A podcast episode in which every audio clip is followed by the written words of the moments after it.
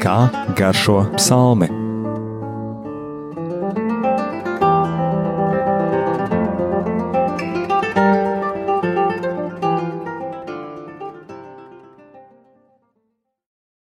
Slavēts Jēzus Kristus. Mūžīgi mūžos slavēts. Studijā Stela un Anģela. Šodien turpināsim lasīt 18. psalmu. Varbūt arī pabeigsim viņu lasīt, lai pievērstos nākamajā reizē kādam citam psalmam. Jo šīs, kā izrādās, ir otrs garākais psalms visā psalmu grāmatā.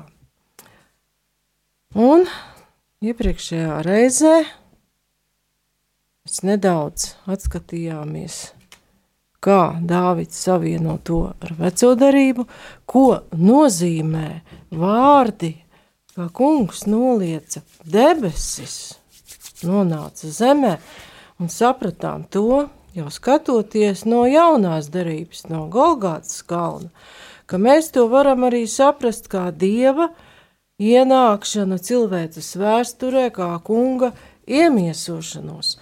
Bet šodien mēģināsim skatīties jau psalma pat otro pusi, ko vēl Dāvids ir gribējis ar šo slavas dziesmu un stāstījumu mums pateikt. Mēs redzam, ka viņš ir ļoti stipri paļāvies uz kungu un arī uz viņa apsolījumiem.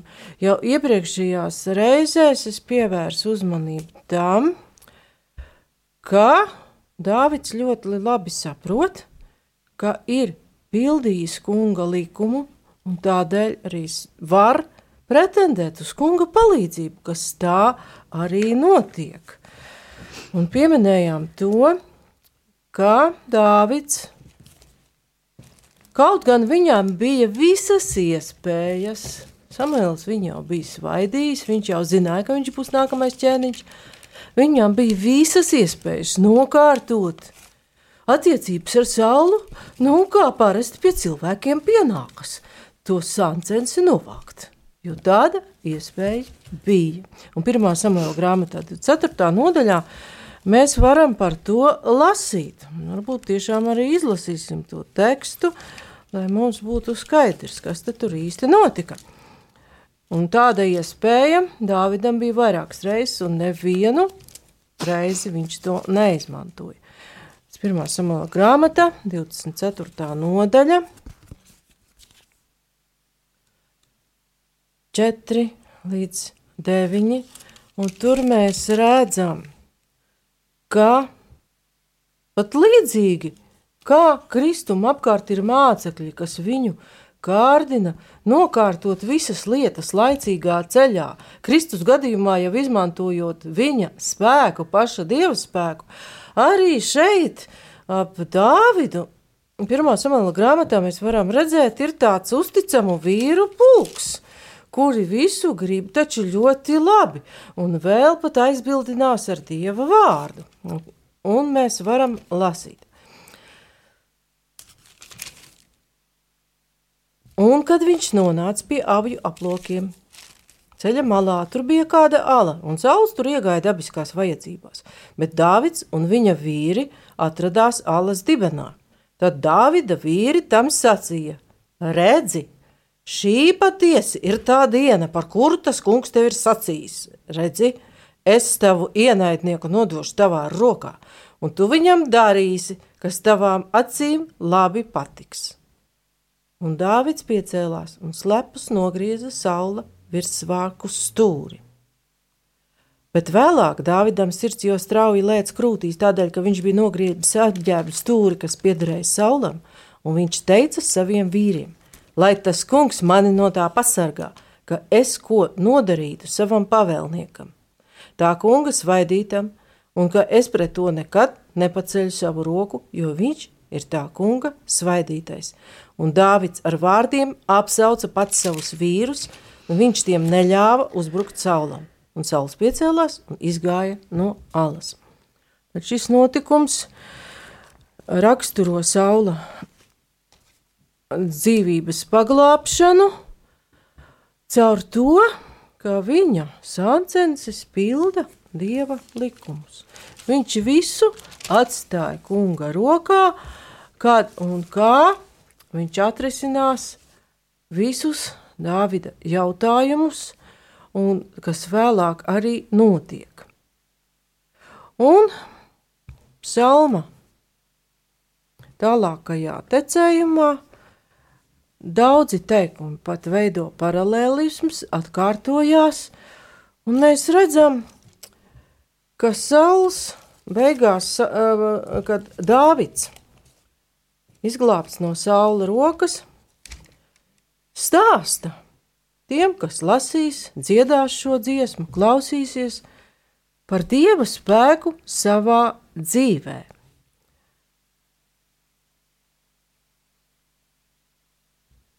Vispirms mēs redzam, ka viņš atceras izceļošanu,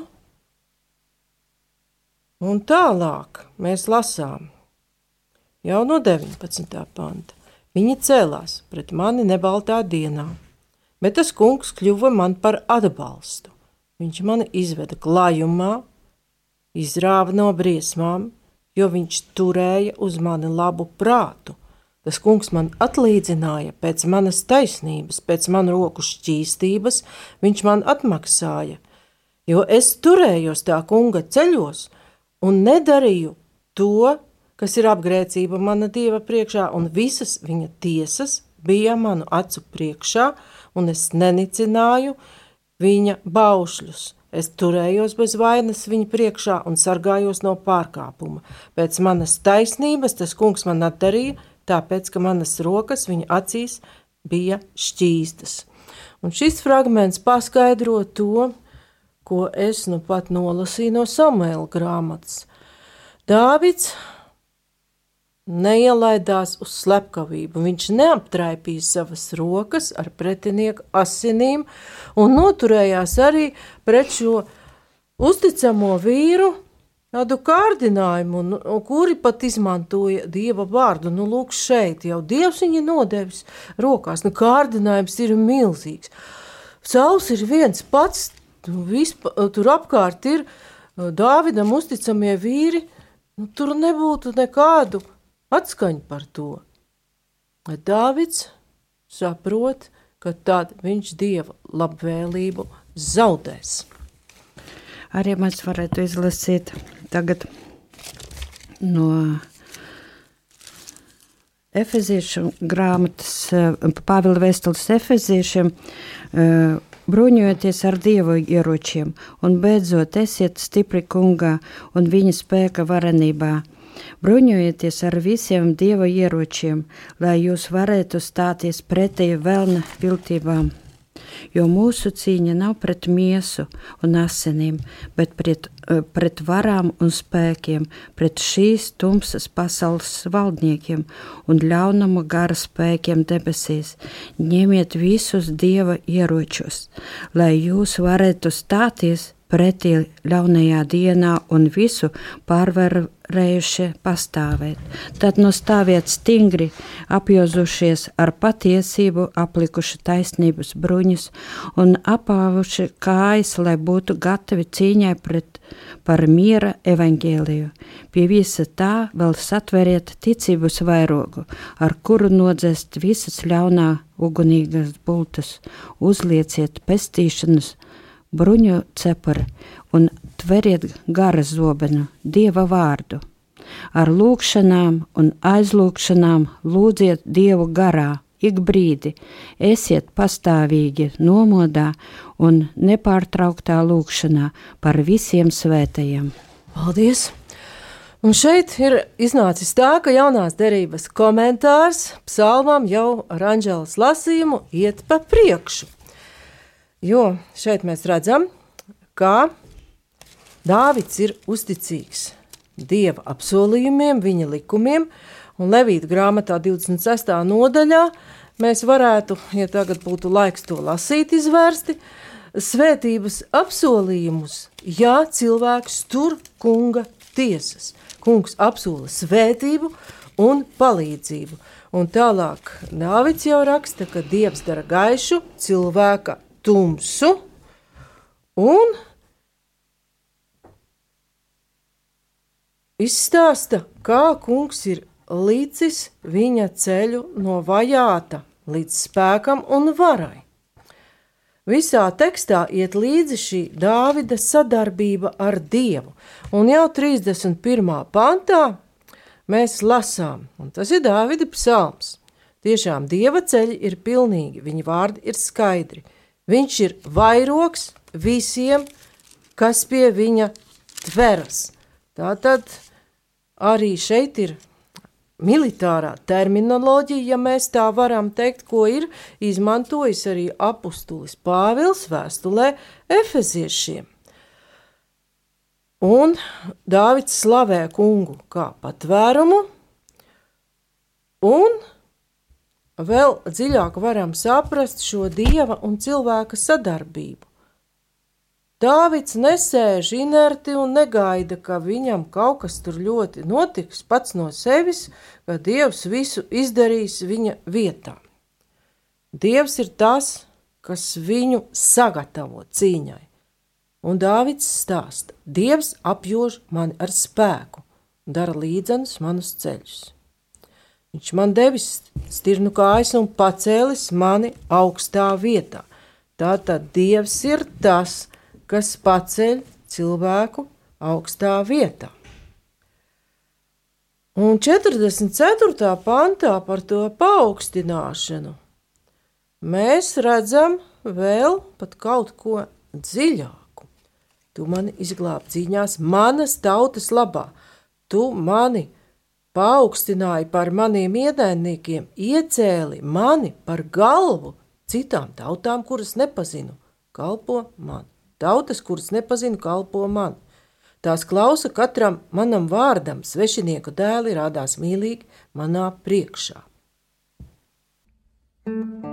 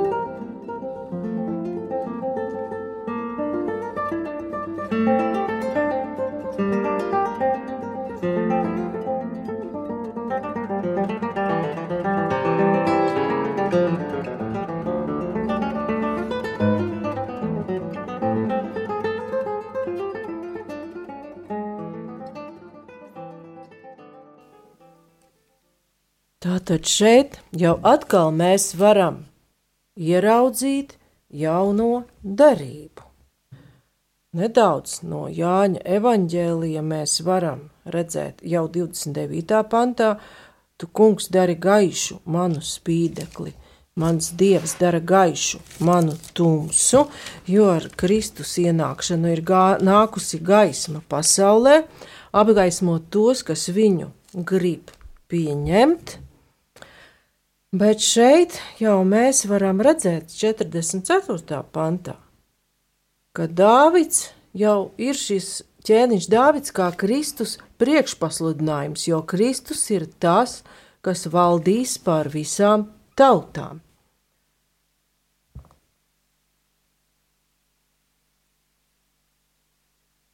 Nu, šeit varētu izlasīt no Mateja evaņģēlija no 4. nodaļas 16. un 17. panta.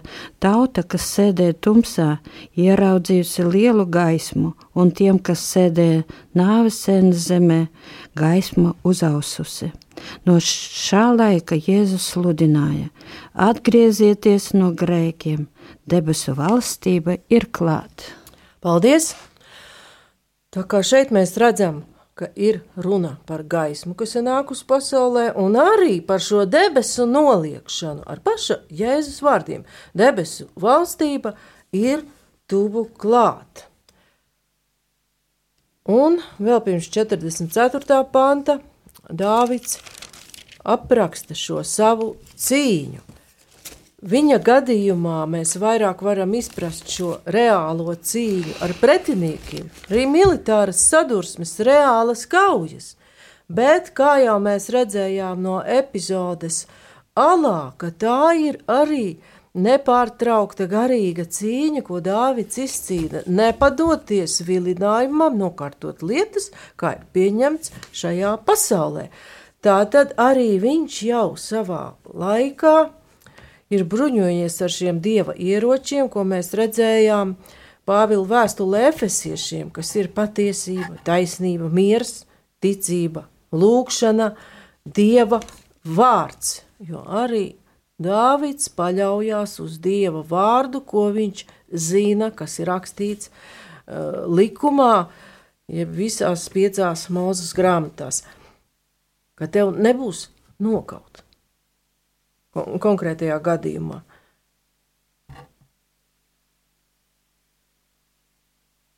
Arī šeit mēs varam izlasīt Pāvila vēstuli galotiešiem 5. nodaļā. Gara augļi, bet gara auglis ir mīlestība, miers, prieks, izturība, krietnums, labestība, uzticamība lēnprātība, savaldība. Pret tādiem lietām nav bauslības. Tie, kas ir Kristu, ir miesu krustā situši kopā ar kaislībām un iekārēm. Ja mēs caur garu esam dzīvi, tad gara vadīti arī dzīvosim. Nekārosim pēc tukša goda, citu citu izaicinādami un skausdami. Paldies! Un šajā gadījumā vēl varētu mēs piebilst, ka Dāvida kontekstā tas nenozīmē arī Pāvils nesaka to, ka cilvēks vispār nevarētu būt pacelts godā. Bet gods un vara ir arī atbildība. Un cilvēkam vara un gods ir viens no lielākajiem kārdinājumiem saglabāt šo apziņu, ka arī tas ir saņemts no kunga. Jo atcerēsimies, ka Jēzus kārdināšanas aprakstos viens no sātana kārdinājumiem bija tieši tas: es tev došu visas tās pasaules valstis. Vienā no uh, evaņģēlījiem pat ir uh, tāda piebilde, kas man ir nodotas, par ko arī varētu runāt ļoti daudz. Ja tu mani ceļos vesdamies pielūgs, Un sātanam īpaši nevajag, lai viņu ceļos metoties pielūdz vai tais kādu īpašu uh, kultu, bet gan lai cilvēks seko viņa principiem. Un Dāvida gadījumā tas būtu bijis nogalināt sauli. Nu jā, un šeit arī teikts, ka nekārosim pēc tukša goda. Citu, citu jā. izaicinādami un skausdami arī tās skaudība, kuru mēs lasījām Ābeli un Kainam, kuri bija Kainis nevarēja ja, to pieņemt, ka kungs mīl Ābeli, un viņam likās, ka Ābeli viņš mīl vairāk nekā viņu. Un te mēs varam izsekot, jau atcaucoties uz psalmu šai skaudības ķēdē, ka tur jau arī ir, bija tās, ka saules nevarēja pārdzīvot, ka Dāvids ir labāks karadonis par viņu pašu, Un, tur sagaidot viņus abus no kara, tur meitenes dziedāja, ka Dāvidam apkārt krituši desmit tūkstoši, bet Saulam tikai tūkstots. Atkal bija šī skaudība, un kā iepriekšējā reizē mēs atcerējāmies, ka arī Jēzu nodeva aiz skaudības, ko Pilāts ļoti labi saprata, bet savukārt Pilātam iespēju spriest tiešām taisnīgu tiesu laupīja drebēšanu par savu krēslu. Tātad, Eh, tieksmi pēc tukša goda.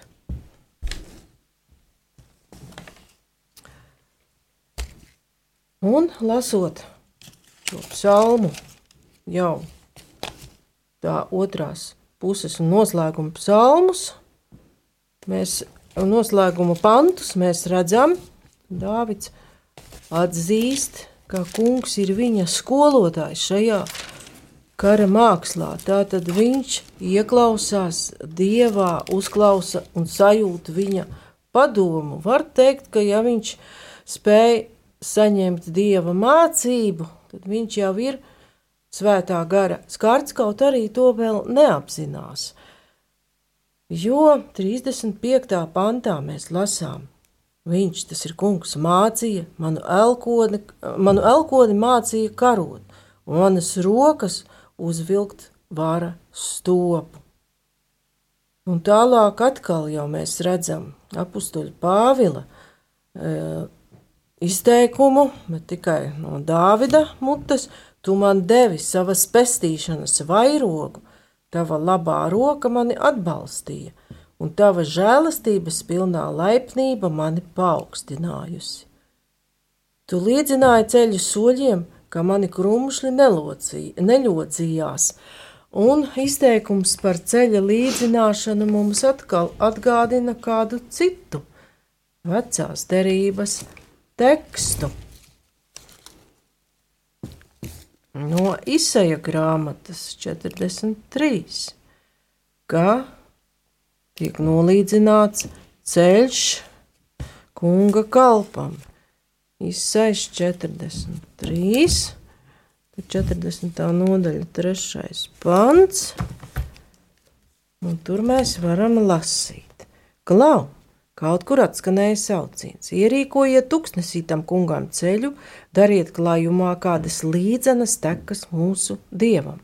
Visas ielējas, lai piepildu un visus kalnus un pakāns, lai nolīdzina kas ir nelīdzens, lai to pa līdzenu ceļu, un kas paugurēns, lai to par klajumu, lai parādītos tā kunga godība, un lai visa cilvēce kopā to redzētu, jo tā kunga mute to tā ir runājusi.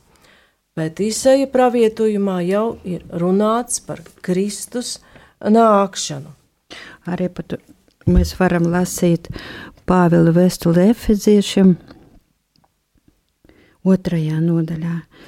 Viņš atnākdams ir pasludinājis mieru gan jums, kas bijāt tālu, gan viņam, kas bija tuvu, lai caur viņu mums, gan viņam, gan otriem būtu dota pieeja pie tēva vienā garā. Tagad jūs vairs neesat svešinieki un piemājotāji, bet esat līdzpilsoņi, svētajiem un dieva saime, kas uzcelta uz apstuļu un praviešu pamata. Tās stūrakmens ir Jēzus Kristus. Viņā visa celtne kopā salaista aug par svētu templi kungam. Viņā arī jūs tiekat uzcelti par dieva mājokli garā. Paldies! Šajā fragmentā mēs jau redzam pilnīgu šīs mūžīgās ķēniņa valsts aprakstu un pašu Jēzu Kristu, kaut gan psalms jau ved uz šo izpratni, un ir vēl paralēls arī ar Īsaja grāmatu, jo ko mēs vēl varam lasīt?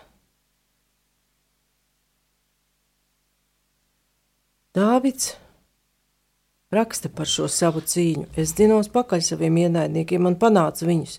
Es negriezos atpakaļ, līdz es viņus nebiju iznīcinājis. Es viņus sagrāvu, ka tie vairs necēlās, bet nokrita pie manām kājām. Un atkal viņš slavē Dievu, viņš runā par Dievu ar cīņas sparu, tu mani apjūzi. Noliki pie manām kājām visus manus ienaidniekus. Tālāk viņš raksta, ka viņi brēca, bet nebija glābēji. Viņi piesauca to kungu, bet viņš neatbildēja.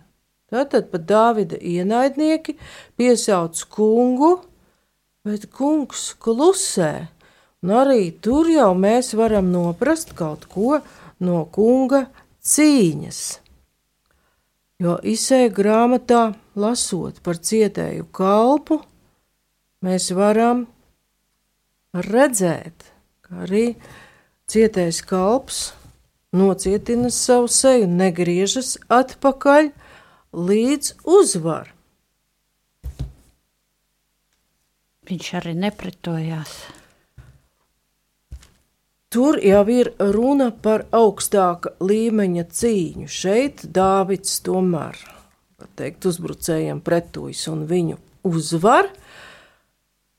Un bet viņš kungs uzvar. Pre, un, bet viņš, jā, viņš vairāk to pārliek uz kungu, ka kungs jā. ir tas, kas uzvar caur viņa rokām un dod viņam un viņa vīriem šo spēku uzvarēt. Jā. Un, ja Dāvida gadījumā tā pretinieka sakāve ir varētu tāda būt tīri fiziska, tad jaunajā derībā mēs jau varam saprast, ka šis Dāvida pēctecis Jēzus cīnās citu cīņu, un Jāņa evanģēlijā 12. nodaļā mēs varam lasīt. Un tur jau Jēzus cīņa un uzvara ir saistīta ar tiesu, ar galīgu ļaunuma iznīcināšanu, un arī varētu tā būt, ka daudzi, kas darīja ļaunu, mēģinās kungu piesaukt, bet viņš vairs nebūs pieejams. Jāņa evanģēlijā 12. nodaļā mēs varam lasīt 45. līdz 50. Un kas mani redz? Redz to, kas mani sūtījis. Es gaisma esmu nācis pasaulē, lai neviens, kas man tic, nepaliktu tumsībā un ja kāds manas vārdus dzird un neievēro, es to netiesāju, jo es neesmu nācis pasauli tiesāt, bet pasauli atpestīt. Kas mani nievā un nepieņem manus vārdus, tam jau ir savs tiesas spriedējs.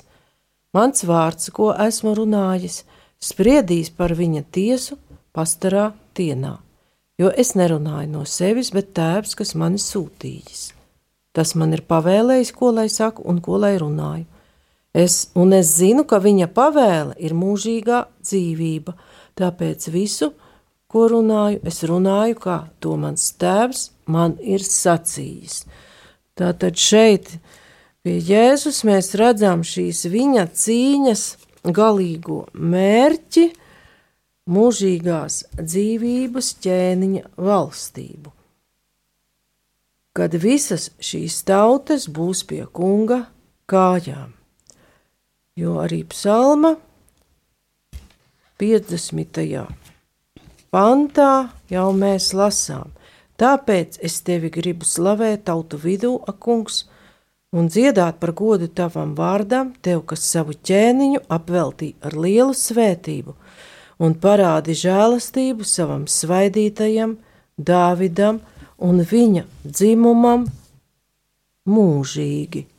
Tātad psalms noslēdzas ar vārdiem par mūžīgo dzīvi. Un arī varētu šeit izlasīt vēl Jāņa evaņģēliju 15. No, jā, 14. nodaļu. 15. 18. pants, svētā gara apsolījums. Ja jūs mani mīlat, turiet manus baušļus, un es lūkšu tēvu, un viņš jums dos citu aizstāvi, lai tas būtu pie jums mūžīgi. Patiesības garu, ko pasaule nevar saņemt, jo tā to nec redz, nec pazīst, bet jūs to pazīstat, jo tas pie jums paliek un būs jūsos. Es neatstāšu jūs bāriņus, es nākšu pie jums, vēl mazliet, un pasaule mani vairs neredzēs, bet jūs mani redzēsiet, jo es dzīvoju, un arī jūs dzīvosiet. Paldies! Un tā kā ar šiem vārdiem mēs varam arī beigt šo īso 18. psalma apskatu un redzam, kā psalmists izved mūs cauri savas dzīves vēsturei, no vajāšanas līdz pat ķēniņa tronim un visur uzsver šo dieva palīdzību, un redzam, ka viņš apzinās, ka ir pildījis dieva likumu un tāpēc var saņemt šo palīdzību, un redzam, ka viņš sadarbojas ar dievu.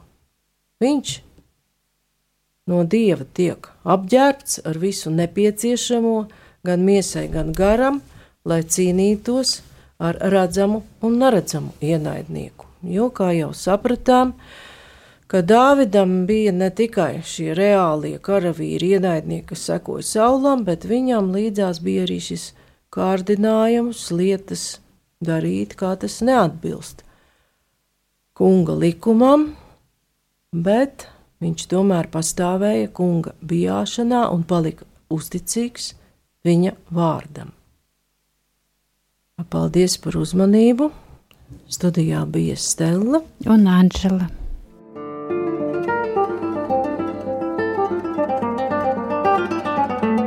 Kā garšo psalmi?